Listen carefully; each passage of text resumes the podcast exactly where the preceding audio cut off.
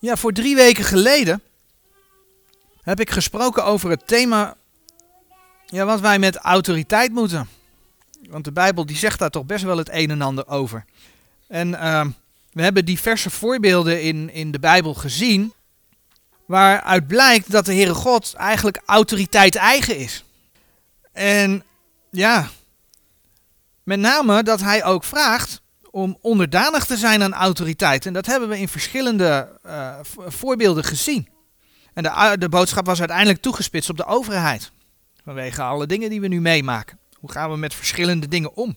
En we zagen dat de Heer wel degelijk gehoorzaamheid van ons vraagt. Ten opzichte van onze overheden. Zelfs als die overheden niet christelijk zijn. We hebben stilgestaan bij 1 Petrus 2, vers 13 tot en met 20. Maar ook bij Romeinen 13, de eerste vier versen. Onder andere.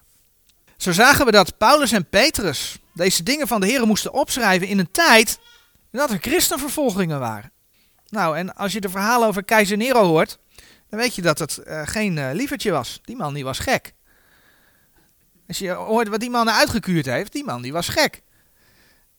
En toch zegt de Heer, want het zijn, ja, Paulus en Petrus mochten het opschrijven, maar het is geïnspireerd door de Heer. Het is Gods woord. God zegt, wees onderdanig. Pilatus die gaf toestemming om de Heer Jezus te laten kruisigen. Maar de Heer Jezus, Johannes 19, vers 10 en 11, die gaf aan dat Pilatus die macht alleen maar had omdat hij die macht van God gekregen had. Nou, ook heb ik al wel eerder aangegeven, we hebben wel eerder over de ontwikkeling in de tijd gesproken, dat we dat niet gaan tegenhouden. Gods woord zal in vervulling gaan. En toch wil ik daar juist vandaag iets uitgebreider bij stilstaan. Juist om te zien dat de Heer alle dingen in zijn handen heeft. Afgelopen week is in de Eerste Kamer de zogenaamde tijdelijke coronawet aangenomen. En ja, eerlijk is eerlijk, ik heb die wet niet gelezen. Dus moet ik erg oppassen wat ik erover zeg. Naar het schijnt krijgen de ministers weer extra bevoegdheden mee. Ook om eventueel bepaalde grondrechten uiteindelijk terzijde te kunnen zetten. In ieder geval is de Eerste Kamer, die die wet heeft goedgekeurd nu, die is door die wet buitenspel gezet. En nee, dat heb ik niet in bronnen die allemaal anti alle maatregelen zijn. Dat staat gewoon in de normale kranten. Die volgens mij een heel vertekend beeld geven. Dus laat ik dat voorop stellen. Want dat geloof ik echt. Maar de Eerste Kamer is buitenspel gezet. En dat terwijl die Kamer zich over het algemeen wat minder door de waan van de dag laat meeslepen. En veel kritischer is dan de Tweede Kamer. Maar die Kamer is dus buitenspel gezet. Dat gaat best ver. Een aantal weken geleden zag ik in een nieuwsitem premier Rutte in de Kamer, de Tweede Kamer, spreken over de, de persconferentie die er weer zou komen. En hij deed de uitspraken en ja, mijn, mijn oog viel daarop. Ik zag dat, ik denk, moet je kijken. En toen zegt hij van, ja, en dan gaat iedereen weer kijken. En toen keek hij naar beneden en toen kwam er zo'n lachje om zijn mond. Het lijkt erop dat men het wel mooi vindt om macht te hebben over het gewone volk. En dan zie je dat de ene na de andere nog hardere maatregel wordt afgekondigd en dat ook diverse burgemeesters uit veiligheidsregio's daarin meedoen. En soms uh, er liever nog een schepje bovenop doen.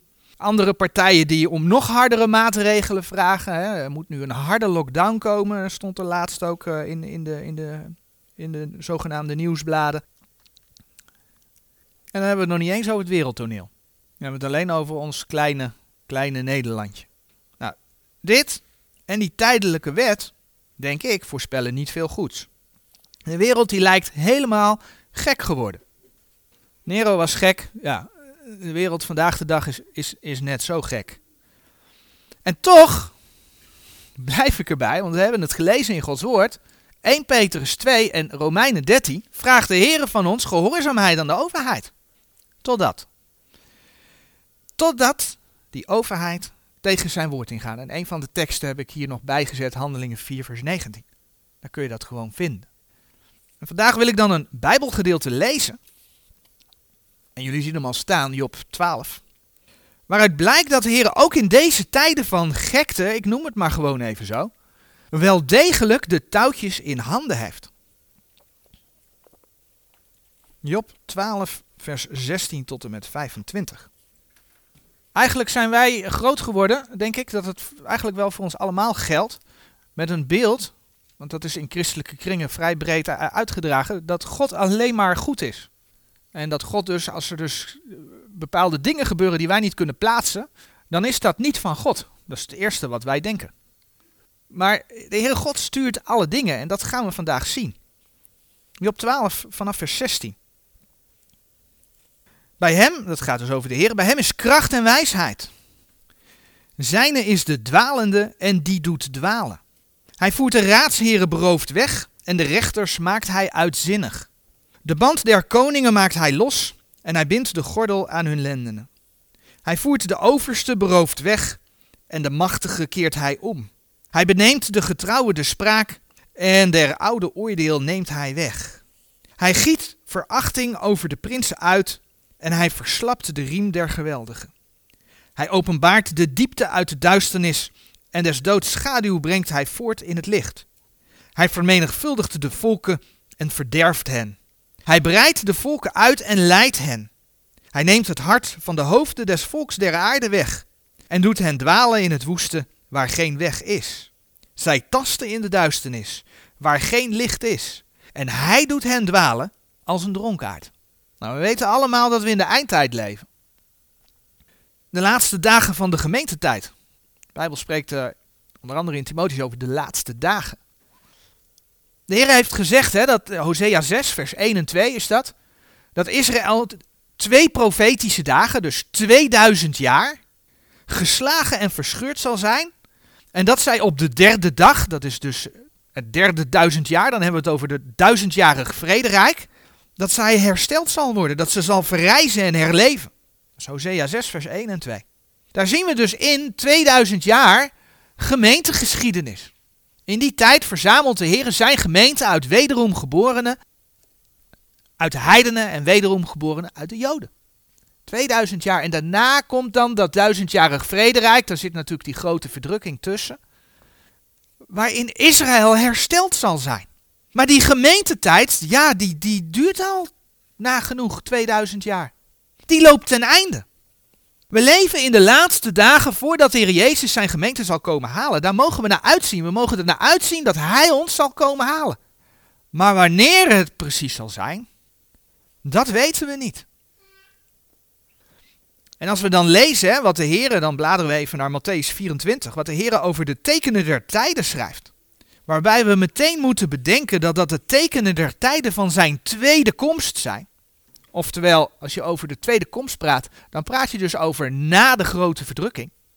Dus die tekenen die, die lopen tot op zijn tweede komst, tot na de grote verdrukking. En waarom zeg ik dat zijn de tekenen van de tweede komst? Nou, kijk maar in Matthäus 24, vers 30. Daar wordt de tweede komst van de Heer Jezus beschreven. Dat hij naar de aarde komt. Dus die tekenen zijn er eigenlijk om Israël te wijzen op de komst van de Messias. Ja, en ergens voor die tijd zal de gemeente dan opgenomen worden. En wanneer dat dus precies zal zijn, ja, dat weten we dan niet. Maar als je die dingen ziet naderen, dan weet je dus dat dat moment nabij is. Als we dan naar het begin van die tekenen kijken, juist omdat het de tekenen van de tweede komst zijn, zullen wij daar niet alles van meemaken, want de gemeente gaat opgenomen worden. Maar als we naar het begin van die tekenen kijken, en die versen heb ik wel eerder aangehaald, hebben we eerder over gesproken, ook naar alles ja, wat er nu op ons afkomt. Maar ik wil die versen toch nog een keer lezen. Dan zijn dat Matthäus 24, vers 6 en 8. Vers 6 tot en met 8. En daar lezen we over, Matthäus 24, vers 6. En gij zult horen van oorlogen en geruchten van oorlogen. Ziet toe, wordt niet verschrikt. Want al die dingen moeten geschieden, maar nog is het einde niet. Want het ene volk zal tegen het andere volk opstaan en het ene koninkrijk tegen het andere koninkrijk. En er zullen zijn hongersnoden en pestilentiën en aardbevingen in verscheidene plaatsen. Doch al die dingen zijn maar een beginsel der smarten. Waarom ik die verse nogmaals aanhaal, is omdat daar staat: word niet verschrikt, want al die dingen moeten geschieden. Dus wat er ook gebeurt, we moeten ons niet laten verschrikken. Soms wel eens moeilijk, maar de Heer zegt het wel tegen ons. Verschrikt niet. Het zal gaan gebeuren. Ja, en door alles heen mogen we dus uitzien naar dat moment dat wij onze Heer tegemoet gaan. Dat is ons, ons uitzicht. Dat is ons vooruitzicht. Dat is waar wij op wachten. Zo heb ik broeder Henk Thomassen wel de uitspraak horen doen dat elk land de overheid krijgt die het verdient. Elk land krijgt de overheid die het verdient. En dat is ja, een menselijke uitspraak, maar bijbels gezien zit daar een hele grote waarheid in. Het feit, dat, het feit dat we pijn, dat we verdriet, dat we oorlog hebben, dat we ellende in de wereld hebben, daar ligt de zondeval aan ten grondslag. Door de zondeval zijn al die dingen de wereld ingekomen. En de mens die niet wil luisteren naar de Heer God, is daar het gevolg van. Daardoor is al die ellende gekomen. Nu is Nederland in de geschiedenis best rijk gezegend geweest. En vergis je niet, hè, Nederland heeft het Roomse systeem van zich afgeschud. Nederland is de bakermat van de Statenbijbel geworden. God heeft de verspreiding van zijn woord gezegend. Maar bedenk dan eens waar Nederland de laatste tientallen jaren, want dat is natuurlijk niet van, van, van, van de laatste paar jaar, maar waar Nederland de laatste tientallen jaren mee bezig is. Denk aan het beleid van euthanasie en abortus. Over abortus gesproken, ik kwam een artikel tegen van de week. Waarin stond dat er in Amerika uh, oneenigheid is met de Satanskerk, die bij grote steden grote billboarden wil neerzetten. Eh, om mensen erop te wijzen dat het een religieus recht is om abortus te laten plegen. En daaraan zie je dus uh, de kindermoorden van het Oude Testament, waar God tegen waarschuwde daar waar dat dan in deze westerse wereld geclaimd wordt als een recht in je eigen buik, terwijl je eigenlijk gewoon leven ombrengt. Ja, je bent gewoon, je bent eigenlijk, je bent gewoon aan het moorden. En ja, ik weet, er zijn schrijnende situaties, moet ik dan ook maar even gezegd hebben. Maar je brengt leven om. En dan zie je dus dat in, Amerika de Satanskerk mensen erop wil wijzen dat, uh, dat het een religieus recht is. Met andere woorden, het zijn wel degelijk kinderoffers. Het zijn wel degelijk kinderoffers. En we weten wat de Heere God daarvan vindt. Euthanasie abortus. Denk aan het toestaan van huwelijken tussen een man en een man en een vrouw en een vrouw. Denk aan het beleid om scholen te dwingen kinderen te leren dat het allemaal normaalste zaak van de wereld is. En dat je dat eigenlijk het liefst allemaal zo vroeg mogelijk moet uitproberen ook het beleid om christelijke scholen hierin te dwingen. Als je in Lucas 17, vers 28 kijkt, dan zie je dat de laatste dagen uh, zullen zijn als de dagen van Lot. Er staat ook in de Bijbel dat de laatste dagen zullen zijn als de dagen van Noach, die is wel heel bekend. Maar er staat ook dat de, dat, uh, de laatste dagen zullen zijn als de dagen van Lot. Lucas 17, vers 28 het begint in vers 26 eerst met en gelijk het geschied is in de dagen van Noach, alzo zal het ook zijn in de dagen van de zoon des mensen. En dan zegt vers 28, desgelijks ook, gelijk het geschieden in de dagen van Lot. Zij aten, zij dronken, zij kochten, zij verkochten, zij planten, zij bouwden. Dus, dus de laatste dagen worden ook vergeleken met de dagen van Lot. En ja, wat, wat gebeurde er dan onder andere bij Lot? Dan bladeren we terug naar Genesis 19. Op een gegeven moment komen er twee mannen bij Lot. En die twee mannen, dat blijken engelen van God te zijn. En als die mannen bij Lot in huis zijn, dan komen de mannen van Sodom bij zijn huis. Dat lees je in Genesis 19, vers 4. En die roepen dan, en dat vers lezen we even, Genesis 19, vers 5. En zij riepen Lot toe en zeiden tot hem, waar zijn die mannen die deze nacht tot u gekomen zijn? Breng hen uit tot ons, opdat wij hen bekennen. Het gaat hier dus om mannen die met mannen seks willen hebben. En dat zijn dus praktijken waarvan de Heer zei, vers 13, want wij gaan deze plaats verderven, omdat haar geroep groot geworden is voor het aangezicht des Heren en de Heere ons uitgezonden heeft om haar te verderven. Dat zegt God daarover.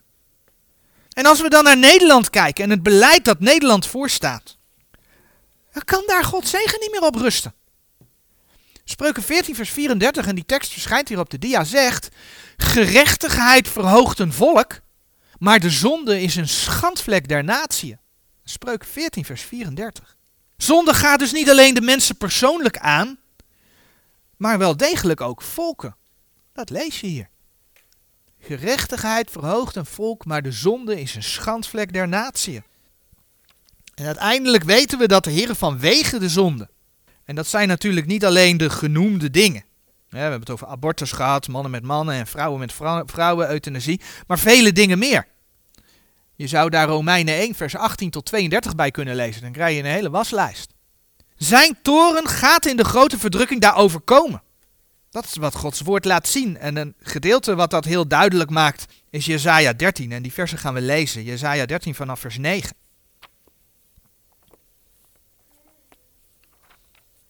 Jezaja 13 vanaf vers 9.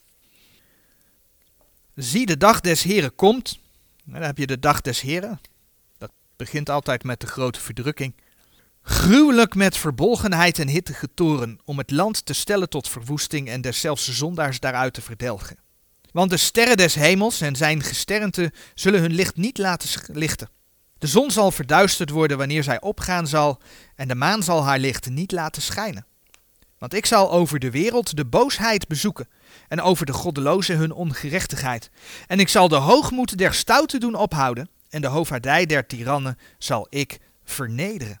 En dan terugdenken aan wat we bij Job gelezen hebben.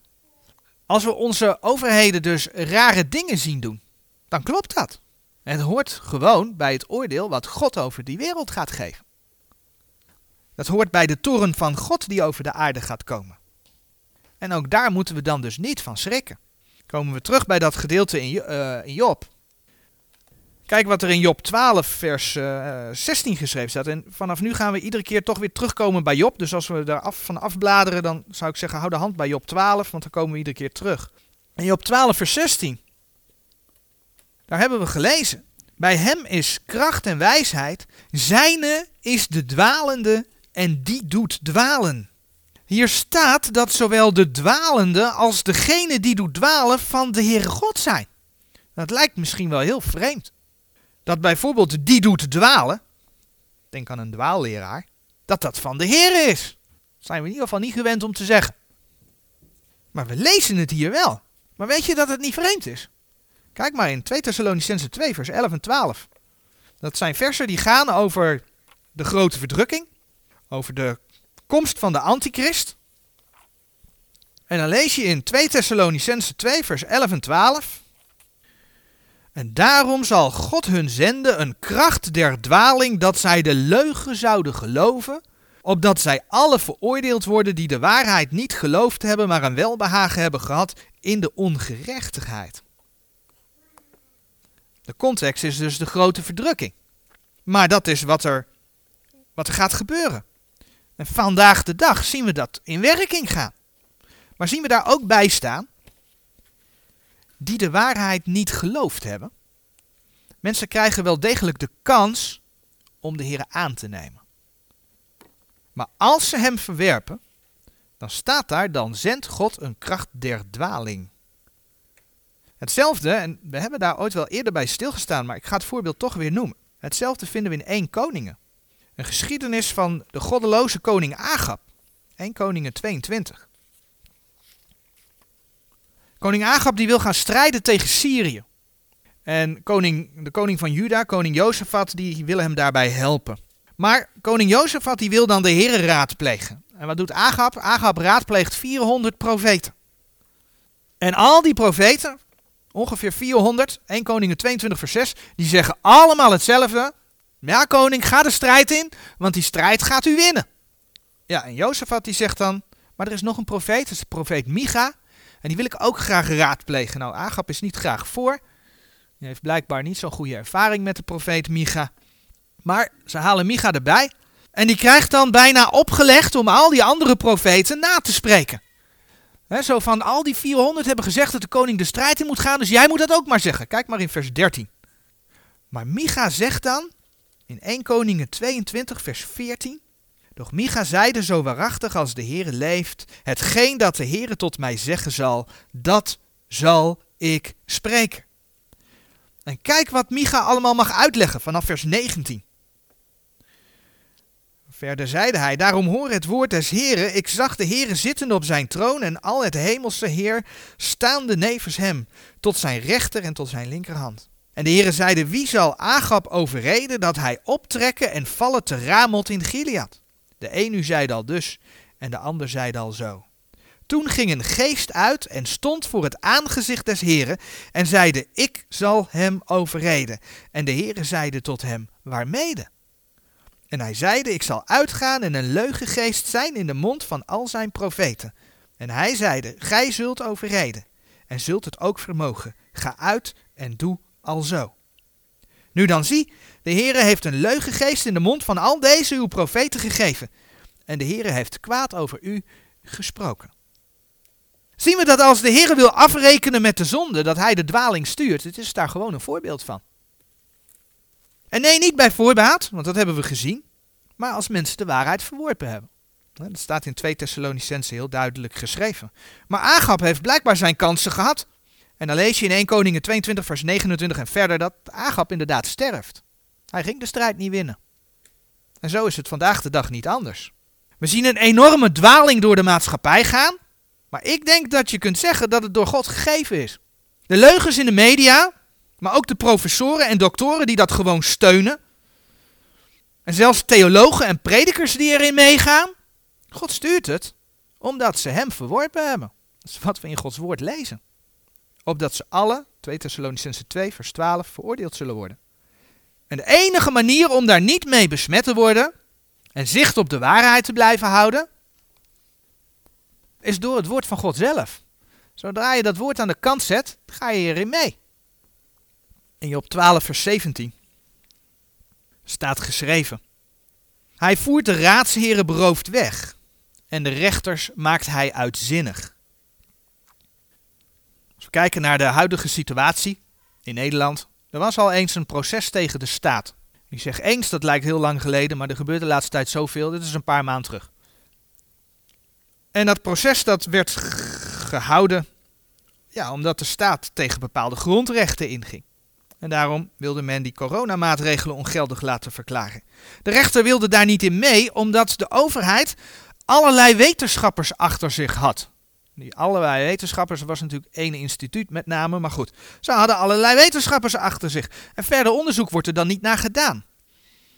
In het uh, recente debat over uh, de coronawet, en dat heb ik uit dit artikel, eindelijk haalt coronawet de eindstreep na tweede uh, stemt ook Eerste Kamer voor. Dat komt uit de Volkskrant. Er was commotie in de Eerste Kamer over het feit dat zij binnen die wet buitenspel gezet werd. En toen is men daarmee naar de Raad van State gegaan. En de Raad van State is het hoogste adviesorgaan van de regering en ook een rechtsprekend orgaan. En in dat artikel staat dat de Raad van State gezegd heeft dat er met zo'n werkwijze helemaal niets mis is. Terwijl er in onze grondwet staat dat wij een Eerste en een Tweede Kamer hebben, met hun taken erbij. Dat heb ik voor de zekerheid even gecheckt, want zo heel erg thuis ben ik daar niet in. Dus de Raad van State, het hoogste rechtsorgaan, adviseert om tegen de grondwet in te gaan en een deel van de volksvertegenwoordiging uit te schakelen. Op een dergelijke manier wordt die grondwet gewoon terzijde gezet. Waar blijven de raadsheren, de Raad van State? Waar blijven de raadsheren? Hij voert de raadsheren beroofd weg, lazen we net in Job 12, vers 17. Waar blijven de rechters? Die volgen de dwaling. Ze zijn uitzinnig. Dat lazen we net ook hè, in Job 12, vers 17.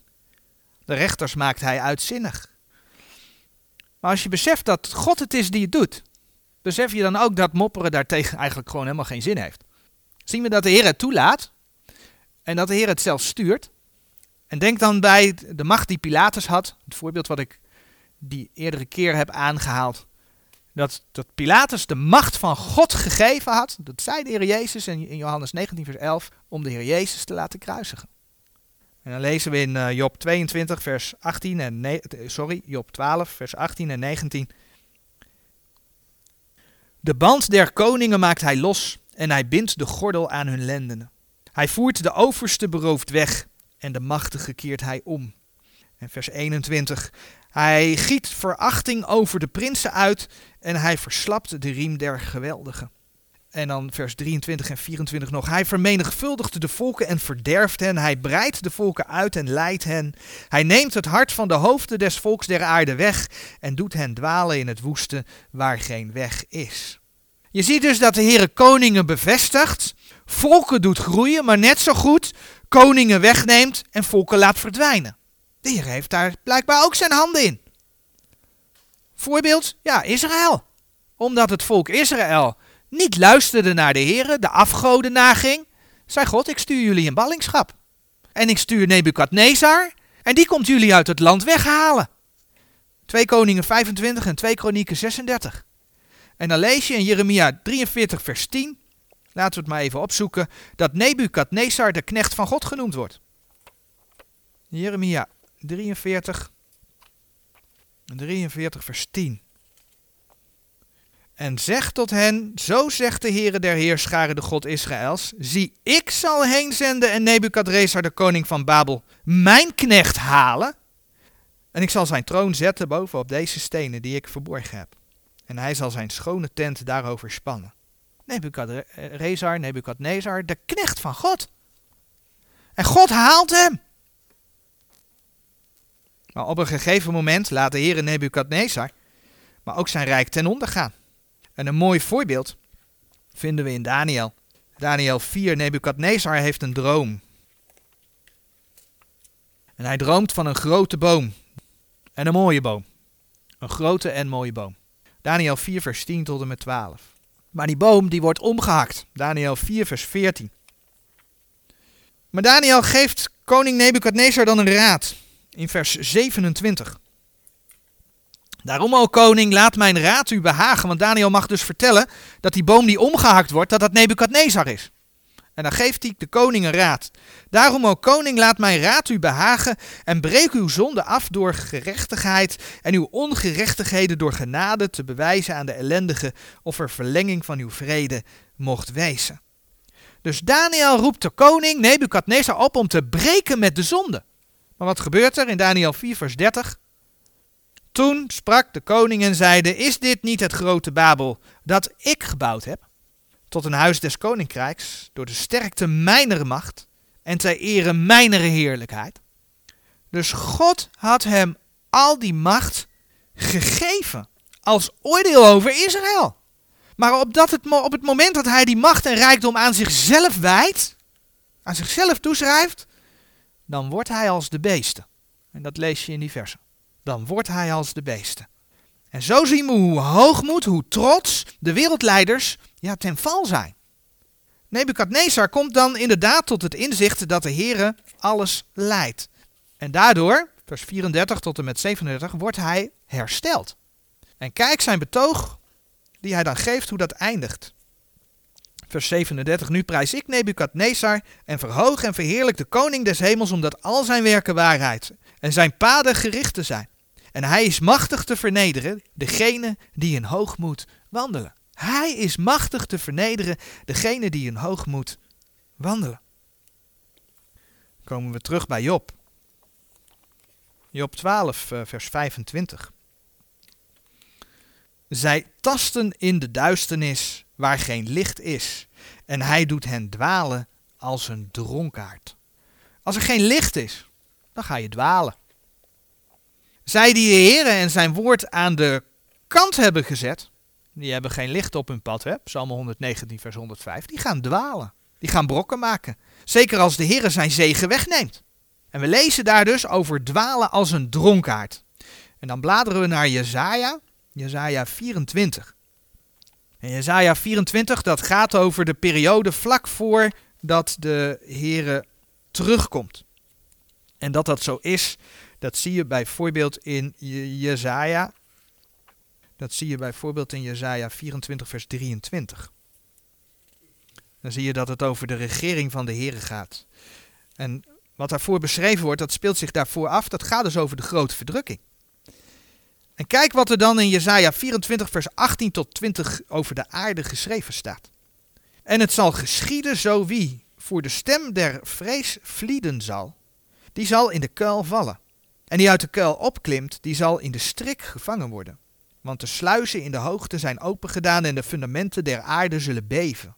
De aarde zal ganselijk verbroken worden, de aarde zal ganselijk vaneengescheurd worden, de aarde zal ganselijk bewogen worden.